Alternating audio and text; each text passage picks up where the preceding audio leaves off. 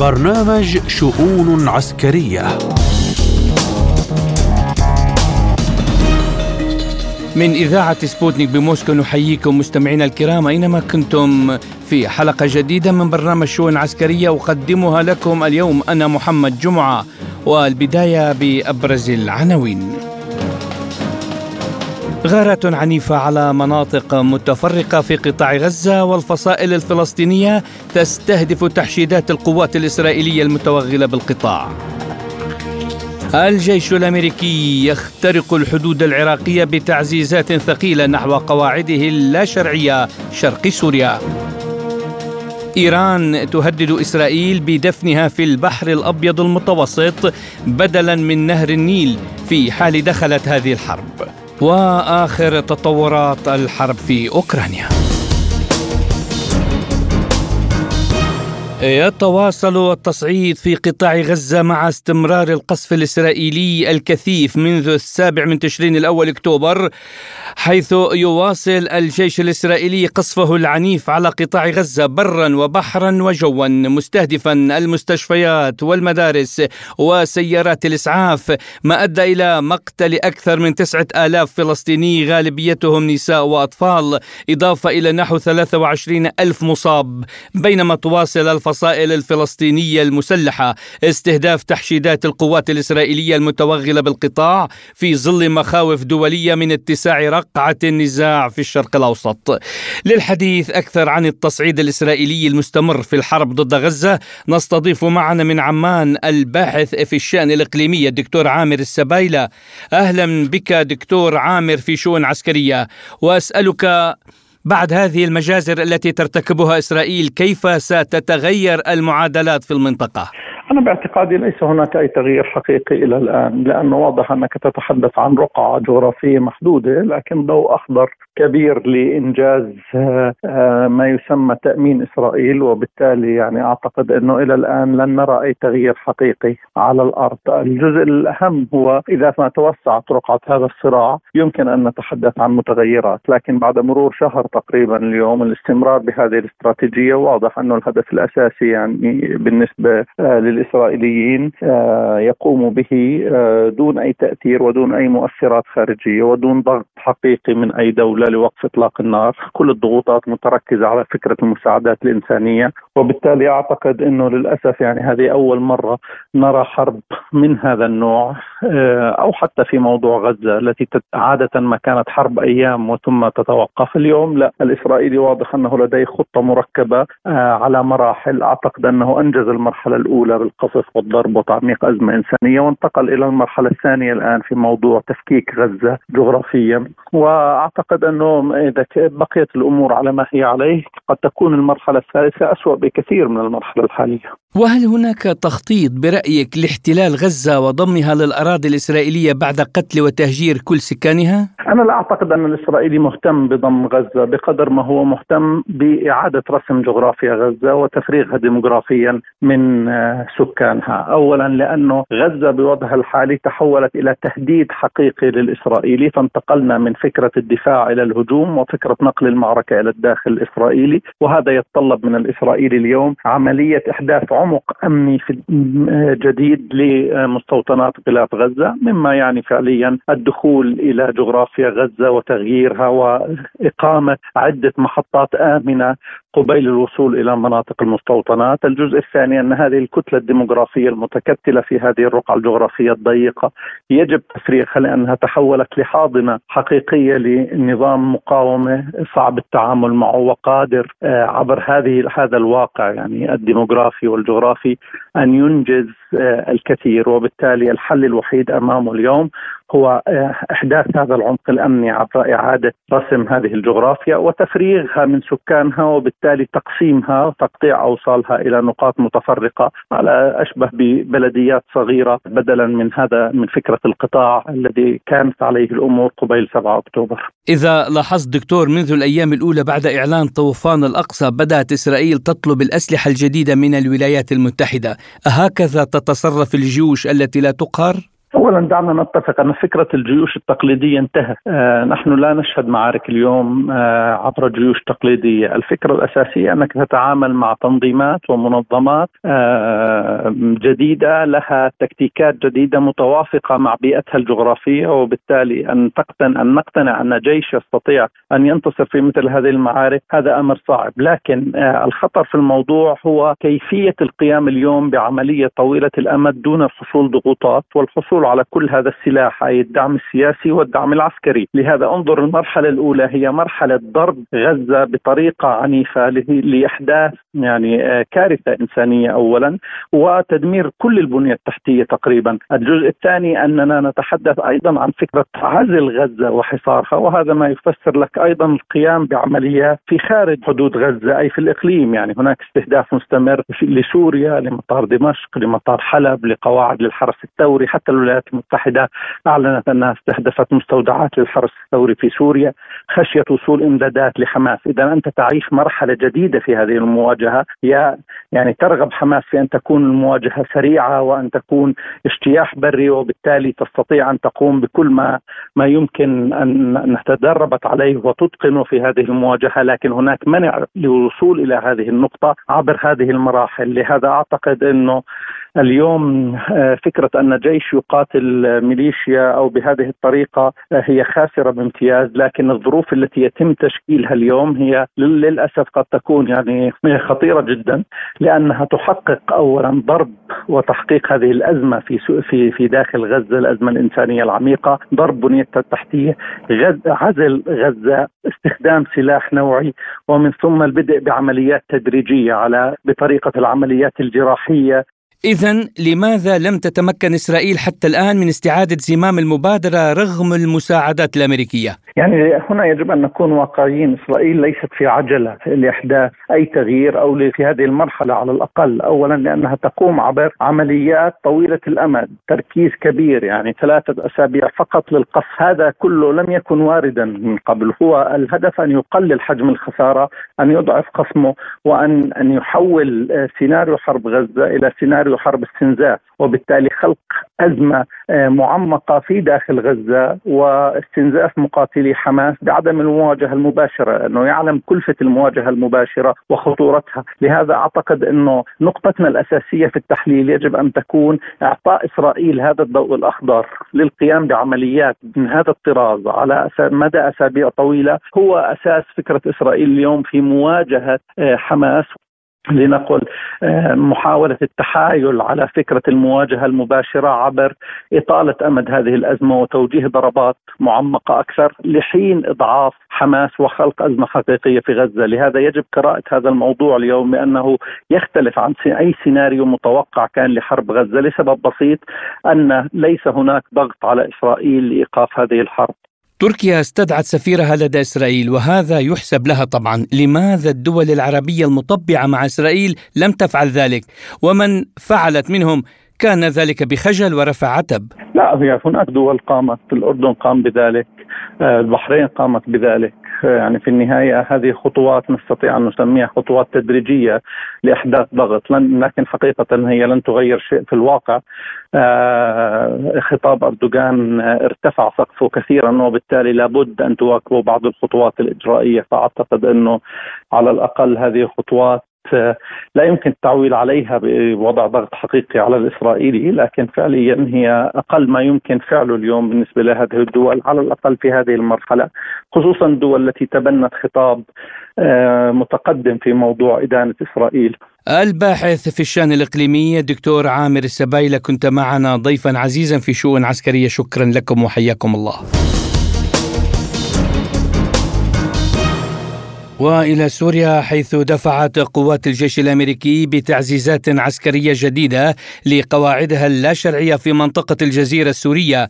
من بينها أسلحة ثقيلة ومدافع. عبر أكثر من 90 شاحنة. بالتزامن مع ازدياد عدد الهجمات الصاروخية التي تتعرض لها هذه القواعد. استخدمت قوات التحالف الدولي المزعوم بقيادة الاحتلال الأمريكي. استخدمت قافلة عسكرية هي الثانية خلال ساعات إلى قواعدها اللاشرعية. في مناطق سيطرة قوات قسد شمال وشرق سوريا وقالت المصادر أن التعزيزات الجديدة ضمت قافلة مكونة من خمسين شاحنة محملة بالأسلحة الثقيلة والمدافع ومدرعات وعربات عسكرية حيث عبرت معبر الوليد الحدودي غير الشرعي مع إقليم كردستان العراق باتجاه القواعد العسكرية الأمريكية في محافظة الحسكة. وبينت المصادر أن طائرات مروحية أمريكية وسيارات مدرعة تابعة لها بالإضافة لعدد من سيارات الدفع الرباعية التابعة قوات قسد الموالية لها قامت بحماية هذه التعزيزات والقوافل التي دخلت الأراضي السورية وذلك خوفا من استهدافها عبر الطائرات المسيرة الانتحارية. للحديث أكثر عن هذا الموضوع ينضم إلينا من دمشق الخبير العسكري الاستراتيجي العميد هيثم حسون أهلا بك سيادة العميد في شؤون عسكرية وأبدأ معك من إرسال قوات الجيش الأمريكي تعزيزات عسكرية ثقيلة لقواعدها اللا شرعية في منطقة الجزيرة السورية بهذه التعزيزات سيادة العميد لمن توجه واشنطن رسائلها؟ آه، الحقيقة الولايات المتحدة الأمريكية لا يعني الموضوع بالنسبة لها لا يقتصر على توجيه الرسائل وإنما أيضا على اتخاذ إجراءات آه، ردعية لإيقاف أو لتخفيض حدة العمليات الهجومية التي تتعرض لها آه، مواقع قوات الاحتلال الأمريكي في الأراضي السورية والأراضي العراقية أيضا هي محاولة لتخفيض حجم القوات العراقية القوات الأمريكية المتواجدة في الأراضي العراقية والتي أصبحت هدفا دائما لعمليات المقاومة العراقية آه، من أجل آه، تخفيض حجم الخسائر في الساحة العراقية. الأمر الآخر أن الولايات المتحدة الأمريكية تريد تعزيز القدرات القتالية للمجموعات الإرهابية والانفصالية المتواجدة في الساحة السورية خاصة أن تلك المجموعات أيضا تتعرض لهجمات بشكل مستمر من قبل المقاومة العراقية ومن قبل المقاومة السورية أو مجموعات داعمة للجيش العربي السوري وشاركت معها في مراحل سابقة للحرب على الإرهاب، لذلك أعتقد أن الولايات المتحدة الأمريكية تحرك قواتها اولا من أجل الإجراءات الوقائية، ثانيا العقابية، ثالثا إرسال رسائل للدول التي آه، تعتقد الولايات المتحدة الأمريكية أنها ترعى المقاومة ضد قوات آه، الاحتلال في سوريا والعراق. وهل ترتبط هذه التحركات الأمريكية العسكرية الجديدة بما يجري في غزة وبالتزامن مع إبحار حاملات الطائرات الأمريكية إلى شرق البحر المتوسط؟ بالتأكيد ترتبط يعني كل الأحداث في المنطقة مرتبطة ببعضها البعض خاصة ما يتعلق بالحرب العدوانية التي تدير الولايات المتحدة الأمريكية وتقودها في قطاع غزة. طبعا كثافة العمليات عمليات المقاومة ضد قوات الاحتلال الأمريكي أخذت بالتصاعد الخطير مع تصاعد حدة العدوان على غزة ومع بروز الدور الأمريكي القائد لهذه الحرب على الفلسطينيين آه، في قطاع غزة لذلك آه، كان القرار قرار المقاومات في المنطقة آه، بأن تكون القوات الأمريكية والقواعد الأمريكية موضع استهداف اولا للانتقام من هذا الدور الأمريكي العدواني ثانيا من أجل الضغط على قوات الاحتلال الأمريكي لدفعها أو لدفع الإدارة الأمريكية إلى اتخاذ قرار في يخص الحرب على غزة ثالثا هي من أجل آه، أيضا طرد القوات الأمريكية الذي أصبح شعارا وضع موضع التنفيذ آه، منذ بداية الحرب على غزة. ومن هي الأطراف التي تتبنى هذه الهجومات ومن يقف وراءها ويدعمها؟ شوف يعني من الناحيه العملية آه، هناك دول تقف خلفها وهذا الموضوع لا يخفى على أحد. يعني المقاومة في العراق هناك من يقف خلفها والمقاومة في سوريا هناك من يقف خلفها. ولكن بطبيعة الحال بشكل مباشر آه، هذه المقاومات تخضع أو تتبع للمقاومه الإسلامية في العراق الحشد الشعبي وحزب الله العراق وغيره. وأيضا في سوريا هناك بعض مجموعات المقاومة التي شاركت آه، في الحرب على الإرهاب وكانت قوات الاحتلال الأمريكي إحدى المس أو أحد المستهدفين من هذه القوات في مراحل سابقة. وأيضا القوات الأمريكية كانت تقوم بقصف مواقع لهذه المجموعات التي ساعدت الدولة السورية في الحرب على الإرهاب، لذلك أعتقد أن الجميع يدرك أن الدول محور المقاومة أو ما يسمى محور المقاومة هي تقف خلف هذه العمليات بشكل غير مباشر. ومجموعات المقاومة هي التي تقوم بتنفيذ هذه العمليات بالشكل أو بالتصدي المباشر لقوات الاحتلال الأمريكي. سيادة العميد لنا سؤال أخير وأنت الخبير العسكري الاستراتيجي إلى أي مستوى عسكري يجب أن ترتقي هذه الهجومات المتفرقة لرفع العتب على القواعد اللاشرعية في سوريا لتؤدي إلى طردها وبشكل نهائي طبعا آه هذا الموضوع مرتبط بأمرين، الأمر الأول هو حجم آه الخسائر البشرية التي تمنى بها قوات الاحتلال الأمريكي، ثانيا هو اتساع رقعة الاستهداف بين الأراضي السورية والعراقية، هذا هذان الأمران هما اللذان يتحكمان برده آه الفعل الامريكيه وبقرار البقاء من عدمه. الولايات المتحدة الأمريكية ليست في وارد تحمل خسائر بشرية في هذه المنطقة وبالتالي نحن نتحدث عن ربما عشرات أو مئات القتلى في صفوف الجيش الأمريكي هذا الرقم سيؤدي حكما إلى اتخاذ قرار من الولايات المتحدة الأمريكية بالانسحاب. أما بقاء هذه القوات في حالة استرخاء وفي حالة الشعور بالأمان فسيجعل التفكير بالخروج هو آخر خياراتها الخبير العسكري الاستراتيجي العميد هيثم حسون كنت معنا ضيفا عزيزا في شؤون عسكرية. وإلى إيران حيث وجهت تهديدا جديدا إلى إسرائيل بدفن الصهاينة في البحر الأبيض المتوسط بدلا من نهر النيل فيما إذا تدخلت إيران في يوم ما في هذه الحرب. قال وزير الدفاع الإيراني محمد رضا إشتياني إن إسرائيل قد فوجئت من ثلاثة مستويات استراتيجية وتكتيكية لقد وقعوا في مستنقع لا يمكنهم ترميم صورتهم أو الخروج من هذا المستنقع.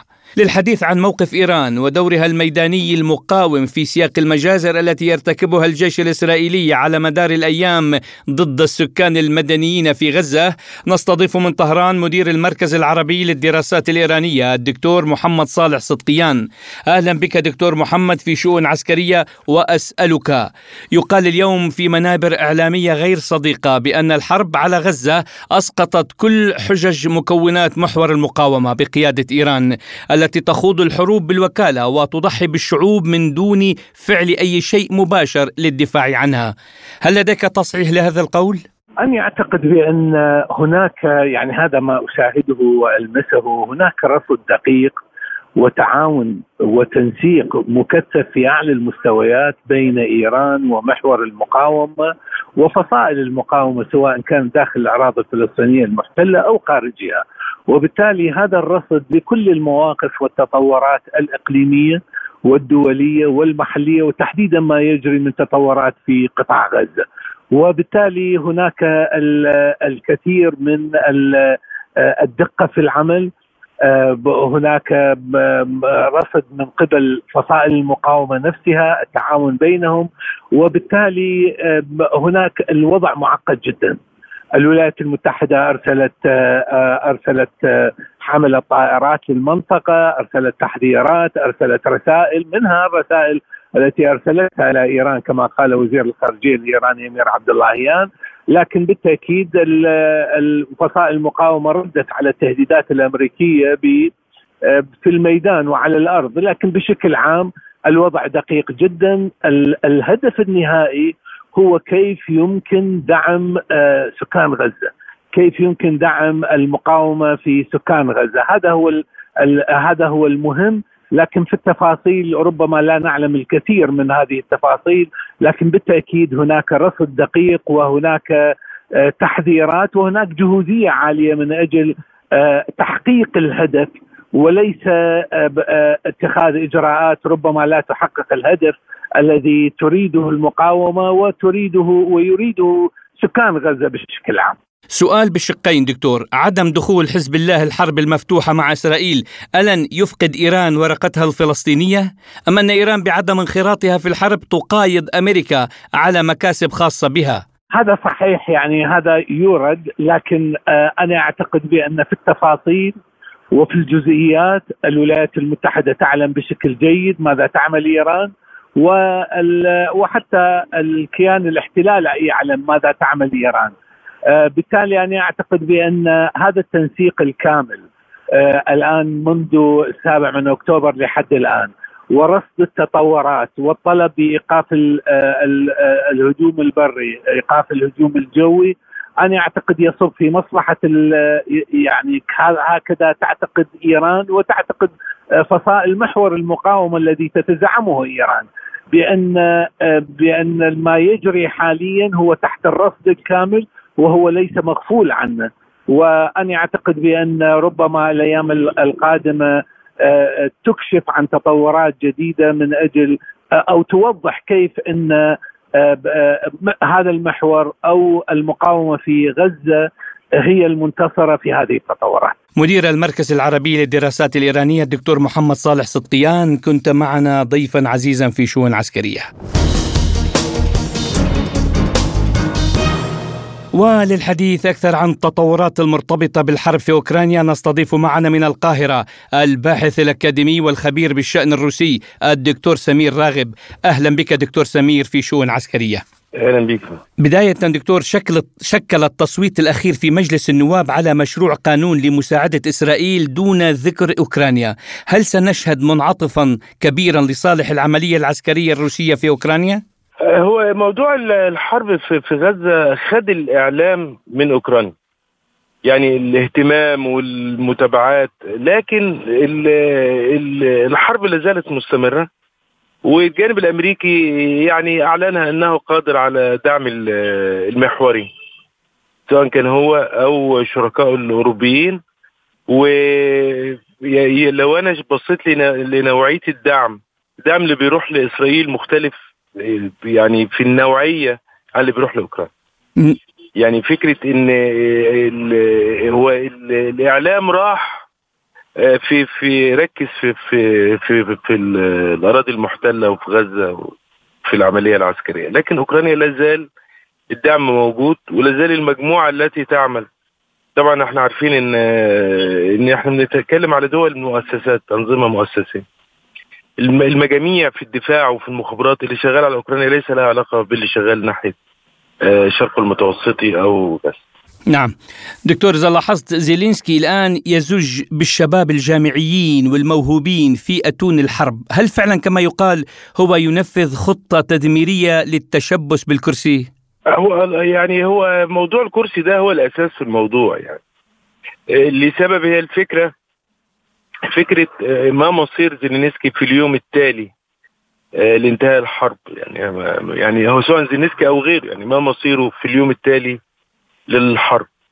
وفي حرب خاسر فيها لأن طبعا فكرة إن الأوكران يحققوا انتصار آه، يعني غير وارده لاعتبارات كثيرة إن روسيا تمول ذاتها لا تعتمد على دعم الغير. القرار الروسي هو قرار روسي.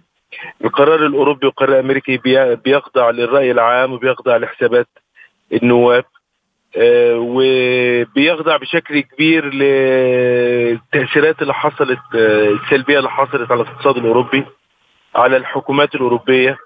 فبالنسبة لروسيا أمورها مستقرة. يعني عندها استعداد تخوض حرب طويلة والمجهود الحربي اللي بتخصصه المعدات موجودة الذخيرة موجودة سواء يعني اللي بتصنعها أو بت بت بتدبرها من مصادر أخرى هي مستولية يعني برفع العلم الروسي على خمس أقاليم وبتدافع ولما بتأتي الفرصة لهجمات مضادة أو اكتساب أراضي جديدة ممكن تقوم بذلك. نعم. فبالتالي يعني فكرة انتصار ممكن يعطل الجانب الروسي على انهاء العملية لكن ما حققش نعم. والآن يجري الحديث ميدانيا طبعا حول تسليم واشنطن مدرعات من طراز السولت بريتشرز لكيف للتمكن من اختراق خطوط الدفاع الروسية، يعني برأيك هل ستغير هذه المدرعات من مجرى المعارك؟ طب ما هم ادوهم البرادلي وادوهم الأبرامز وادوهم الليوبرد وادوهم يعني كتير يعني يعني ما ما, ما عملتش. آه، اولا ال counter offensive ده بتبقى عمليات مكثفة في فترة مش طويلة تحقق استعادة أوضاع. يعني تستعيد أراضي تم السيطرة عليها. إحنا قعدنا شهور وداخلين على الراس بوتيستا وما لم يكن هناك نتيجة.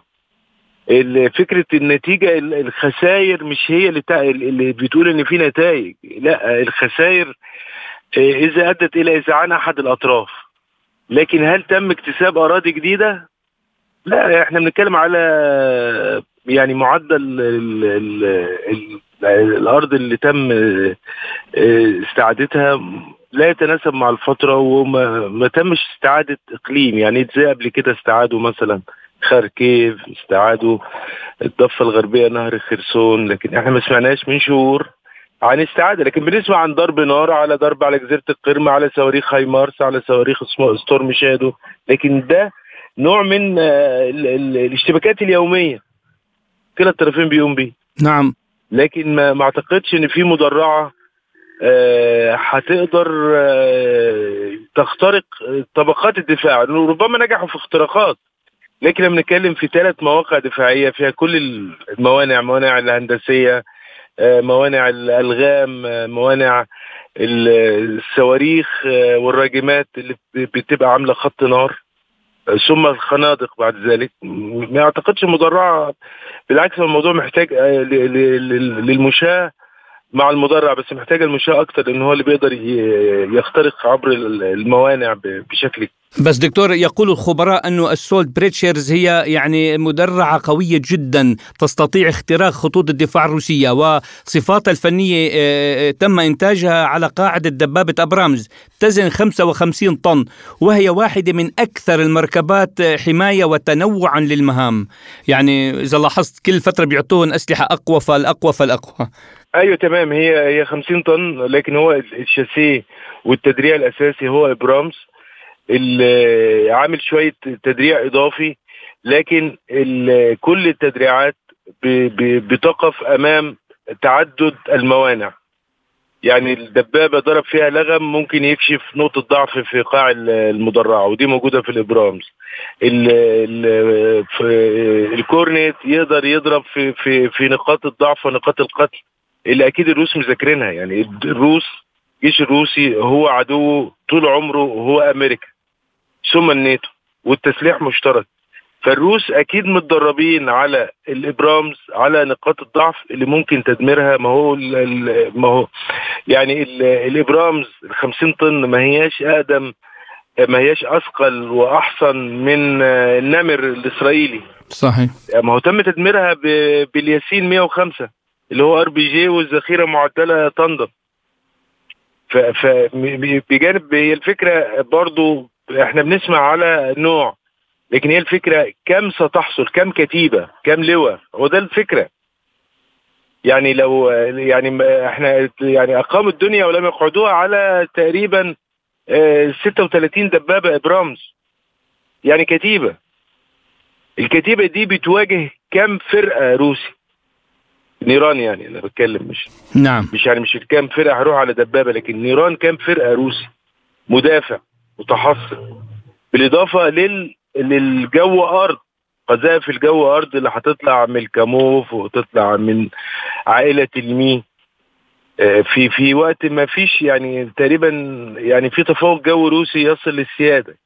هي تحسب هكذا ما بتحسبش على طريقة فكرة إن هو آه، زي تشالنجر البريطاني يعني. هم 11 دبابة.